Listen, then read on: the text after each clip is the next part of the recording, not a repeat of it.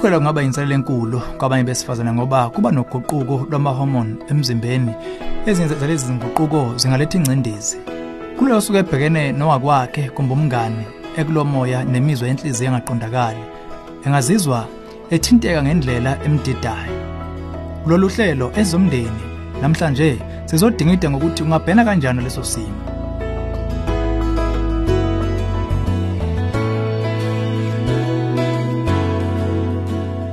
Thatha ithuba ngubingelele ezomndeni uhlelo ukulethela izeluleko eziphathekayo ngaba ka-focus on the family. Ubaba okhathazekile usibhale ngumama wakwakhe oyithwele ubuze wathi kukhona yini engakwenza ukusiza unkosikazi wami oyithwele ekubhaneni nomoya oguquguqukayo kuye? Usengasekugcineni kwezinyanga zakhe kodwa usabukeka enengcindezi. Kukaningi ngizwa ngengcindezi eba kumama emva nje kokuteta. Manje ngakube kujwayelekile yini ukuba umama avese ecindezeleke engakateti na?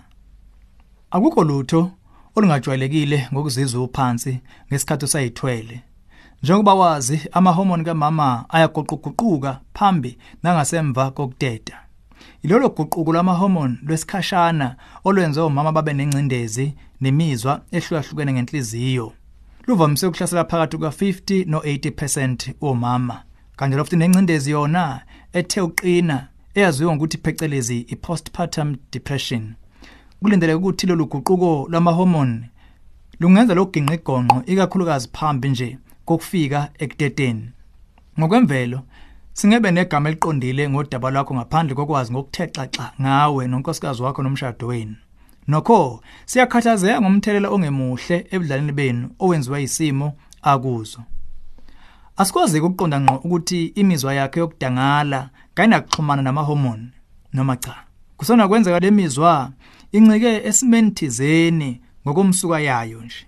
Sikhuthaza uhlala naye phansi uvula ingxoxo ngokwethembekile naye ngesimeni kuso. Kukhona yini into ekhona empilweni zenu ngaphandle kokukhula kwakhe okulethe umgodi enhlizweni yomkakho na? Ngakube ubudlana benu bungobuqinile kuze kube manje kumbe senibe nesimbelambela sokuqwebhano na? Ngakube futhi ulusizo yini ngesikhathi adinga khona isandla sakho? Ngakube unengcindizi emsuka wayo ikokunye?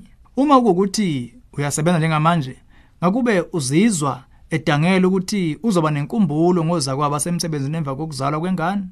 Uhlobo nje lwencindezi kusengaba lo hlobo olejwayelekile kodwa imizwa yokudangala ecela naphansi futhi eqhubeka isonto lonke ingaba uphawu lwencindezi edinga ukulashwa.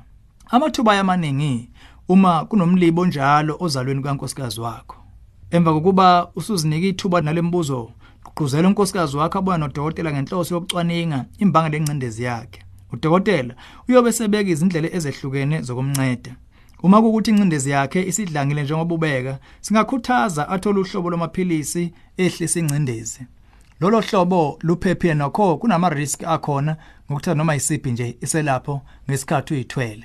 Udokotela womndeni uyokwazi ngqo ukuthi uqhubeke kanjani odabeni lonkosikazi wakho. Okwamanje ziningi indlela eziphathekayo ongeza ngazo kunkosikazi wakho ngalesi sikhathi esinzima. Uma ubuye emsebenzini iba ngonozwele ngokuthi ubeke yena phambili. Mbuze usuku lwakhe belunjani nokuthi uzizwa enjani. Uma ninezingane qinisekisa sithole ezikudingayo ngokusizwa nguwe ubaba futhi uzilungisele ngisho nendawo yokulala. Vamise ukuba nobusuku bokuba sothandweni naye kungaba ukuwalka nje mhlawumbe ukuya kwi-gospel concert nanoma yikuphi nje okucabangayo ovumelana nephakethe lakho nongakwazi ukwenza okumele ukwenze ngenhloso yokuxoxa nokuqinisa ubunye nonkosikazi wakho. Uma uthanda ukuba uxoxe noma ukuxhumana nongoti abangakini sicela ungathandabuza ukuxhumana nomnyango wezokweluleka efocus on the family. Kwinombolo ethi 031 716 3300 yiba nesikhathi nonkosikazi wakho bese uyaqinisekisa useqhulwini kuwe nokuthi khona lokumsiza okudingayo njengamanje. Lolu hlelo ezomndeni ulethulelwe yi-focus on the family sihlangabezwa ohlelweni oluzayo.